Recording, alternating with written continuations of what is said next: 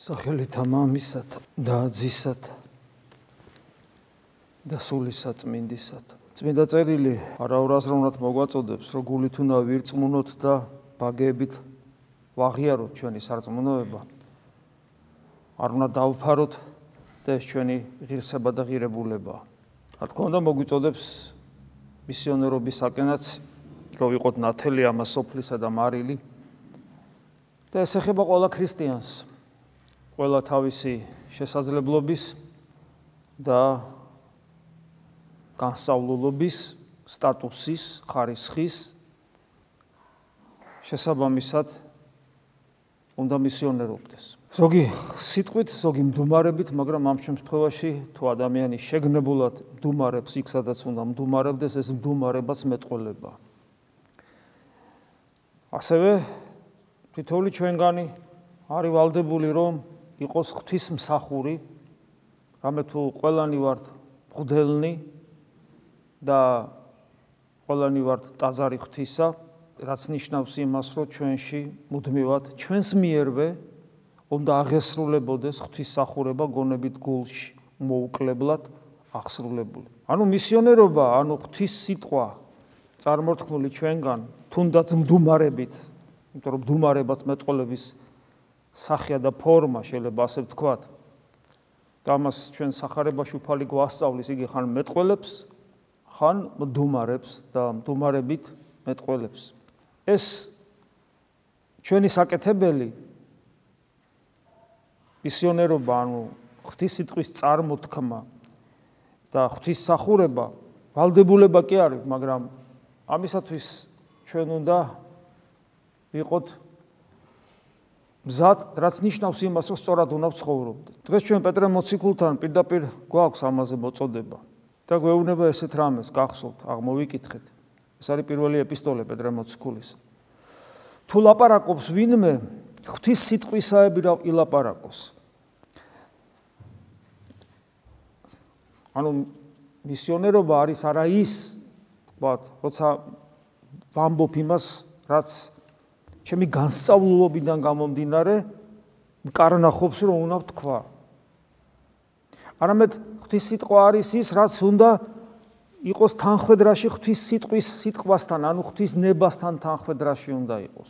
რა შემთხვევაშია ეს შესაძლებელი? მხოლოდ ერთ შემთხვევაში, თუ მე რეალიზებული ღვთის ტაძარი ვარ, თუ ჩემში ღმერთი ცხოვრობს და თუ ჩემში ღვთის სულია. გახსოვთ უფალი როგორ ამბობს, როცა საწამებლად მიგიყვანენ, ნუ ზრუნავთ რა უნდა თქვა და რა უნდა ილაპარაკოთ რამე თუ სული მამისა თქვენისა იყოს მეტყველი თქვენ შორის ანუ სული წმინდა ილაპარაკებს თავად ჩვენში ანუ თავად ღმერთი ისაუბრებს და რას ნიშნავს საწამებლად მიგიყვანეთ რა არის საწამებლად მიყვანა რას ნიშნავს ეს ეს არის ჩვენი აღსარებლობითი ცხოვრების წესი როცა ჩვენ საწამებლად ანუ დასამოწმებლად როცა ჩვენ ვამოწმებთ ყველაზე მთავარს სამყაროში მომხდარს ობიექტურად არსებულს სინამდვილეს რო ღმერთი არ ამხოლოდ არის, არამედ იგი მოვიდა სამყაროში, შემოვიდა ადამიანად.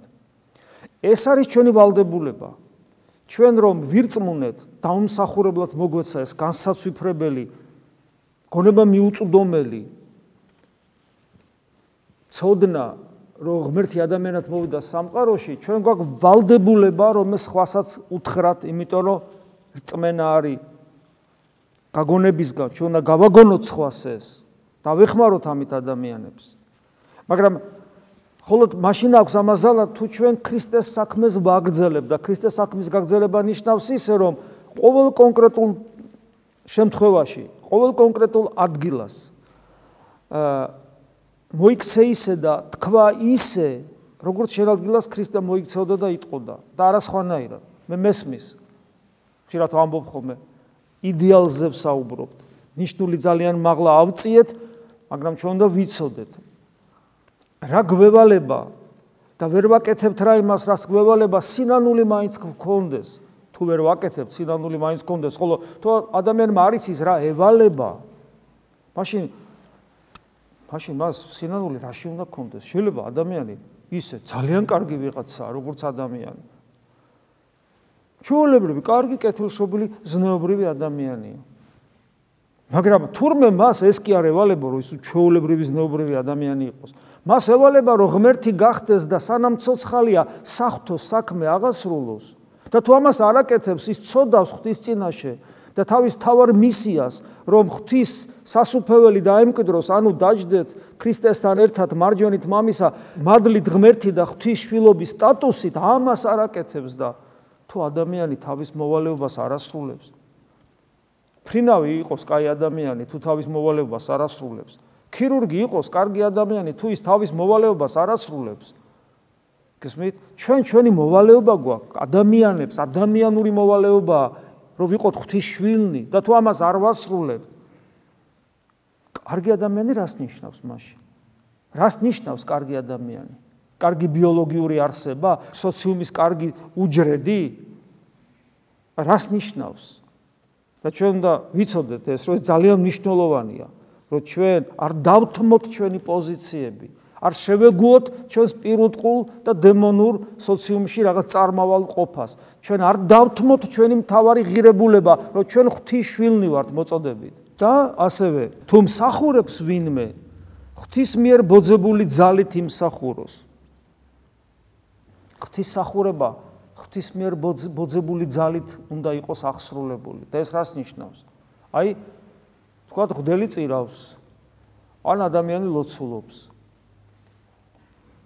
ესე იგი თუ ჩვენ ღვთისმსახურების დროს არ თანამშრომლობთ ღმერთთან და თუ ჩვენ მონოლოგის ან მონოქმედების რეჟიმში მექანიკურად აღვასრულებთ რაღაცას მექანიკურად კითხულობ ლოცვებს. აი ესე მიერეკება ადამიანი. და და და და და და და და კითხულობს კითხულობს კითხულობს. ან რაღაცას მექანიკურად აღასრულებს სახურების დროს და ნუ რა იცის წესები რაღაცა და ნუ ჩვევის. ეს თურმე არ შეიძლება. იმიტომ რომ ღვთის მოძებული ძალით უნდა იმსახუროს ნიშნავს იმას რომ მე მარტო არა ვარ და ღმერთი რომ მაძლევს ღმერთი რასაც მაძლევს ძალას ანუ ენერგიას ანუ მადლს მადლით უნდა ვიმსახურო ანუ არა ჩემით, არამედ მადლით. ეს ნიშნავს იმას, რომ მე უნდა განვიცდიდე, გზნობდია მადლს და მასთან ერთად ვმოქმედებდე. ხედავთ, როგორი გაფაქიზება ჭირდება ადამიანის სულს, რო ღვთის სახურებაში, ღვთელმოქმედებაში, ზოგადად ადამიანს ნებისმიერ ქრისტიანს ღვთის სახურებაში მადლთან კავშირი ქონდეს და ანუ ღმერთთან კავშირი ქონდეს და ღმერთთან ერთად იმსახუროს. და მე აგრძელებს, რათა სრულად იდიდებოდეს ღმერთი. რას ნიშნავს სრულად იდიდებოდეს ღმერთი? არა ისე რა, არა სანახევრო, რა, აი ქრისტიანები იკრიბებიან. აჰო, ეს ქრისტიან, აგრე არა, ანათებდეს უნდა ადამიანი. სრულად დიდება ღმერთის რას ნიშნავს? ეს კიდევ ერთხელ მოწამეობრივი ღვაწ დასტური. ქრისტე არის ღმერთი. ქრისტე არის ღმერთი, რომელიც ჩვენთან არის. ჩვენში არის. აი ამას ნიშნავს. იდიდებოდეს ღმერთი იესო ქრისტეს მიერ, ვისიცაა დიდება და ძალი უკუნისამ. ჩვენ ხო განსაცვიფრებელი რწმენა გვაქვს. აი წარმოიდგინეთ ღმერთი ხო არ ჩანს არა მარტო არ სივცეში არ ჩანს ღმერთი არსად არ მოიძებნება სადაც არ უნდა გაფრინდე გამოფრინდე კოსმოსში არ ჩანს ამიტომ ნებისმიერი რელიგია, რომელსაც ღმერთის არსებობის ჯერა, რელიგია, რელიგია ნებისმიერი. მაგრამ ღმერთს ხო ვერ ხედავს ვერავინ. ღმერთი არავის არ უხილავს, წმინდა წერილშიც ხო კითხულობთ. არავინ არ იცის როგორია ღმერთი. არავინ არ იცის ზუსტად როგორ უნდა მოიქცეს, რომ ღმერთს სათნო ეყოს, არავინ არ იცის ეს. ძველი აღთქმის ღვთისახურებას რო გადახედოს თანამედროვე ადამიანმა, გული გაუსკდება ისეთი რაღაცეებია. ეხლა უბრალოდ ამის დრო არ არის, დროს წაიღებს და ამაზე ვერ ვისაუბრებ. არც სხვა რელიგიები გარდა ძველი აღთქმისა შეუძლებელი ადამიანმა გაიგოს, იცოდეს ღმერთს რა უნდა. და უცებ თვითონ მოვიდა, თვითონ მოვიდა, სამყაროში თვითონ მოვიდა. თვითონ მოვიდა და მოვიდა არა აი როგორც მოჩვენება, მოვიდა და რაღაცა გამაგებინა, რაღაცა მითხრა. არამედ მოვიდა ისე რომ სამყაროს ფერისვალება, სამყაროს განღმრთობა დაიწყო. ანუ შეიერთა სამყარო ადამიანური ბუნების სახით. შეიერთა სამყარო ადამიანური ბუნების სახით. და ეს განსაცვიფრებელი რწმენა მაქვს. და არა მარტო შეიერთა სამყარო ადამიანური ბუნების სახით და მოვიდა რა ადამიანად.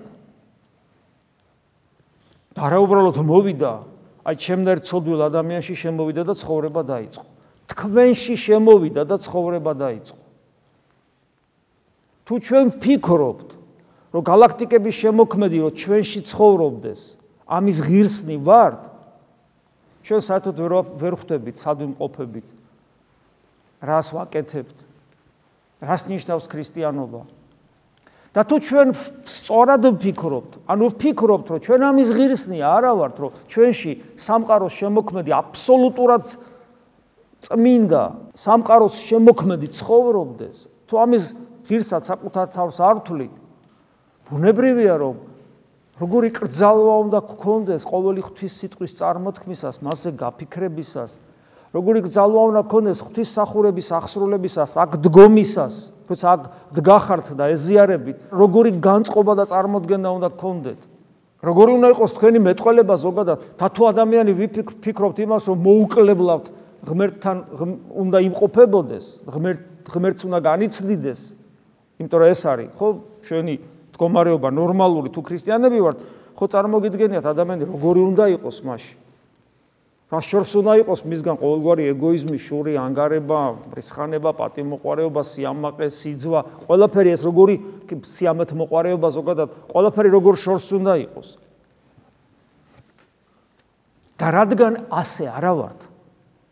რადგან ჩვენში სიამაყეც არის, პატიმოყარეობაც არის, სიამეთ მოყარეობაც არის თავის ყველანაირი ხორცელი მიდრეკილებებით, შურიც, ეგოიზმით, ყველაფერი რადგან არის ჩვენში.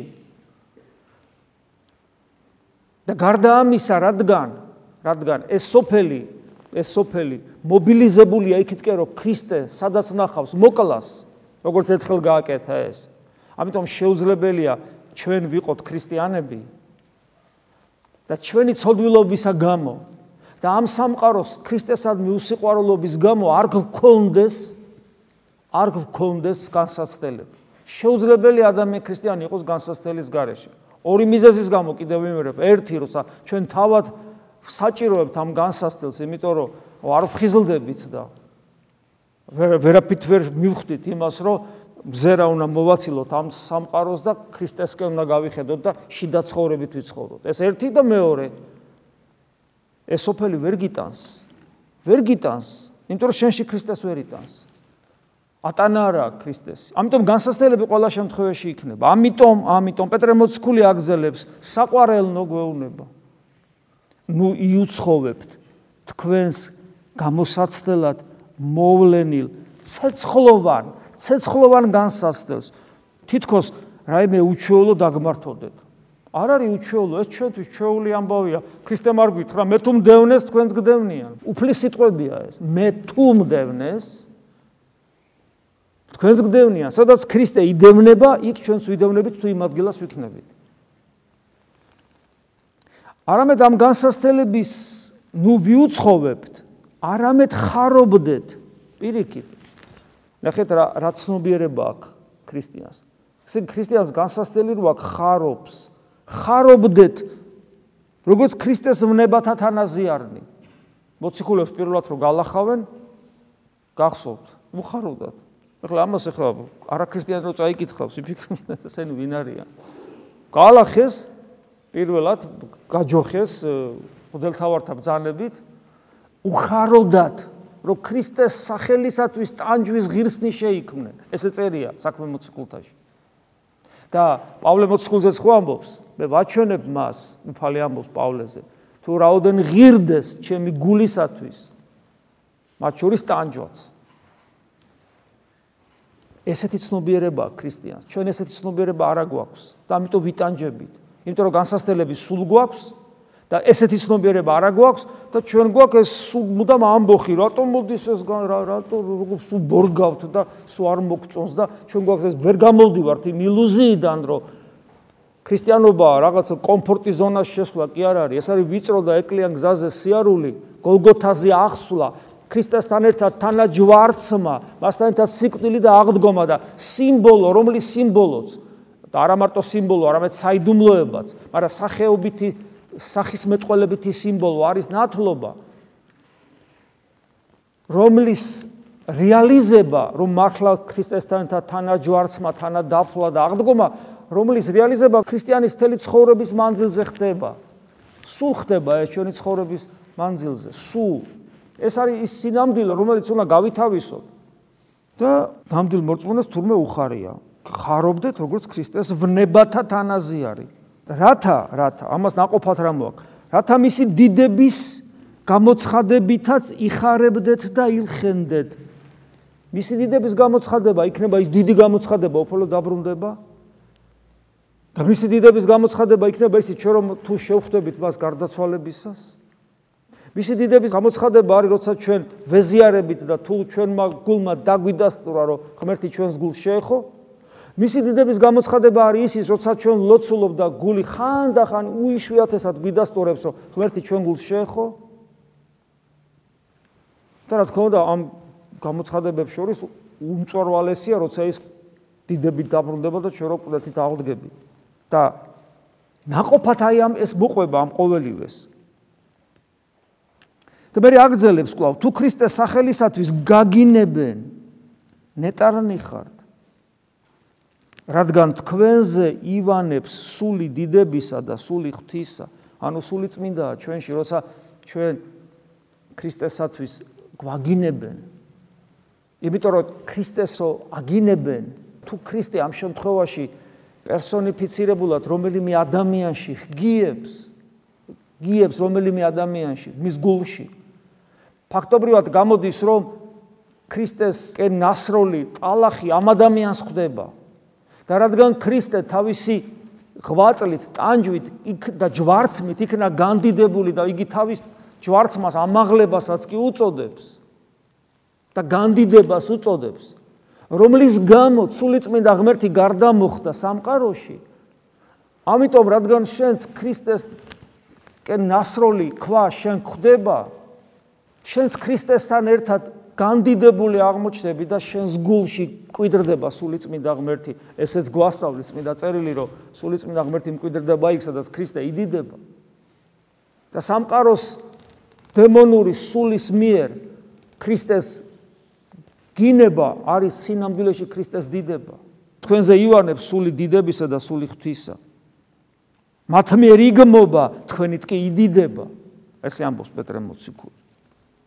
ამის საწინააღმდეგო მდგომარეობა არის ფარისეულური სული.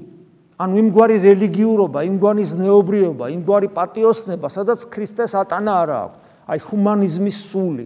ჰუმანიზმი სული რა არის ჰუმანიზმის სული? ადამიანი როგორც ღირებულება ოღონ ღმერთის გარეშე, ადამიანი როგორც ღირებულება ღმერთის გარეშე არ არსებობს. მას არანაირი პერსპექტივა არ აქვს. როგორ შეიძლება ადამიანი იყოს ღირებულება ღმერთის გარშემო, როდესაც 100 წლის მერე ჩვენგან მტვერი იქნება დარჩენილი, მტვერი როგორ შეიძლება ღირებულებას ატარებდეს? რა ღირებულებაზეა საერთოდ, ვის ვატყვილებთ?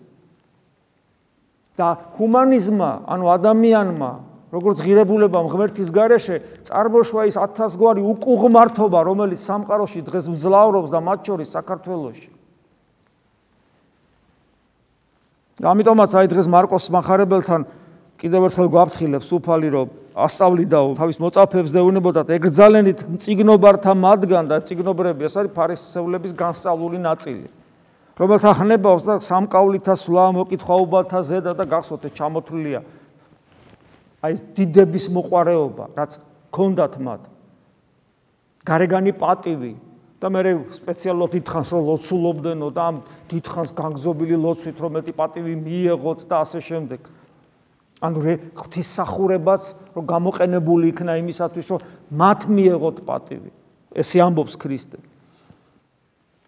და რა არის ფარისეულობის მიზეზი? აი ამ სულისკვეთების. ეს არის საკუთარი სიამაყით, საკუთარი განსაკუთრებულობით, საკუთარი პატივით, პატივით, საკუთარი ღმერთის გარეშე არსებული ღირებულები, ღირსებებით, თუ რა ღირსებაა, მაგრამ ესე საკუთარი ზნეობით, საკუთარი ღვაწლით, ყველაფერი საკუთარი ეგოისტური მეთი რაღაც ესეთი განსაკუთრებულად წარმოჩენა საკუთარი თავისა და ეს ყველაფერი არის იმ ვნების ნაყოფები, რომელსაც ქვია სიამაყე, ანუ დემონური სული. დემონური სული, სიამაყე არის დემონური ენერგია, რომელიც ამსგავსებს ადამიანს ეშმაკს, იმიტომ რომ თუ ჩვენ ღმერთის ენერგია არის ჩვენში ღვთის მადლი ღმერთს ვემსგავსებით, ხოლო თუ დემონური ენერგია ჩვენში სიამაყისა, ჩვენ ეშმაკს ვემსგავსებით. რომლის საპირისპირო სათნოება არის სიმდაბლე და ამიტომ მოდის ღმერთი და ამბობს ისწავლეთ ჩემგან შვიდვარდამ დაბალი გულით. ამიტომაც თუ ჩვენ გვინდა რომ ჩვენი სიტყვა, ღვთის სიტყვა, ანუ ან და ჩვენი ღვთის სახურება იყოს ისეთი რომ სრულად იდიდებოდეს ჩვენს მიერ ღმერთი, ამისათვის აუცილებელია რომ ჩვენ ვიყოთ სიმდაბლის სათნოების მატარებელნი და არა სიამაყისა. და აი რაც შეეხება სიმდაბლის სათნოებას, იმის გამო რომ ჩვენ სიამაყით ყველანი დაავადებულნი ვართ.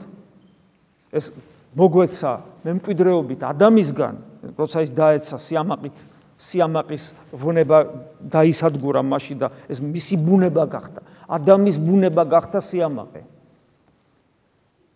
და მემკვიდრეობით ჩვენ გადმოგვეცა, ჩვენ ამაყნები ბადებით. ამაყნე ეს დემონური დემონური მდგომარეობა აქვს შიგნით ადამიანს. და ხორცით ცხოველს გავალ და სულით ეშმაკს.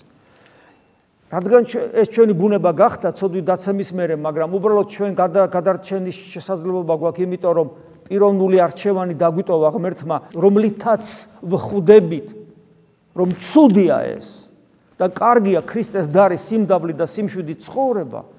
აი ეს უნარი გვაქვს ჩვენ. და როცა ამას ხვდებით, მე ამის რეალიზებას რო ვიწყებთ, აღმოჩნდება, რომ ჩვენი სიამაყე თავის პოზიციებს ართმობს და სამკვდრო სასიცოცხლო ბრძოლას იწყებს ჩვენს წინააღმდეგ, როგორც პავლე მოციქული ამბობს, ეს ვნება სიამაყისა და მათ უკან მთელი დემონური ხროვა საბრძოლოდ განეწყობა ჩვენ წინააღმდეგ. და ადამიანს უხდება თავგანწირული ბრძოლა აი ამ ნებებთან და პავლე მოციქული ამბობს, თუ ვერ ამარცხებთ, იმიტომ რომ სისხლამდე წინა რაღუდგებით. აი ამ კონტექსში მინდა პატარა ამონარიდი წაიკითხოთ წმინდა სვიმონ სვიმონ ახალი ღვთისმეტყველისგან 92 სიტყვა ეს. თუ რა რთულია სიმდაბლის მოხვეჭა თითოეული ადამიანისათვის. სიმდაბლის ნავსაყუდელში და მის მიერ ზეციურ სასუფეველში მის მიერ, გახსოვთ 19 ეტარებაში. მეტარიყვნენ გლახაკნის სულით რამე თუ მათი არ სასופველიცად გლახაკის სულით ანიშნავს სიმდაბლეს. აქედან გამომდინარე 9 ნეტარებას განმარტავს სიმონ ახალი ღვთისმეტყველი და პირველი ნეტარებით იწყებს სიმდაბლის ნავსაყუდელ რატო ნავსაყუდელში? იმიტომ რომ ნავსაყუდელი ნიშნავს ღვთისნების აღსრულების მდგომარეობაში რო ხარ და თორსა სიმდაბლეში სიმდაბლისკენ ისტრაფი ღვთისნების აღსრულებელი ხარ და ღვთისნების აღსრულებელი ღვთისნების მყუდრო ნავსაყუდელში იმყოფება. სიმდაბლის ნავსაყუდელში და მის მიერ ზეციურ სასუფეველში შესვლის მსურველი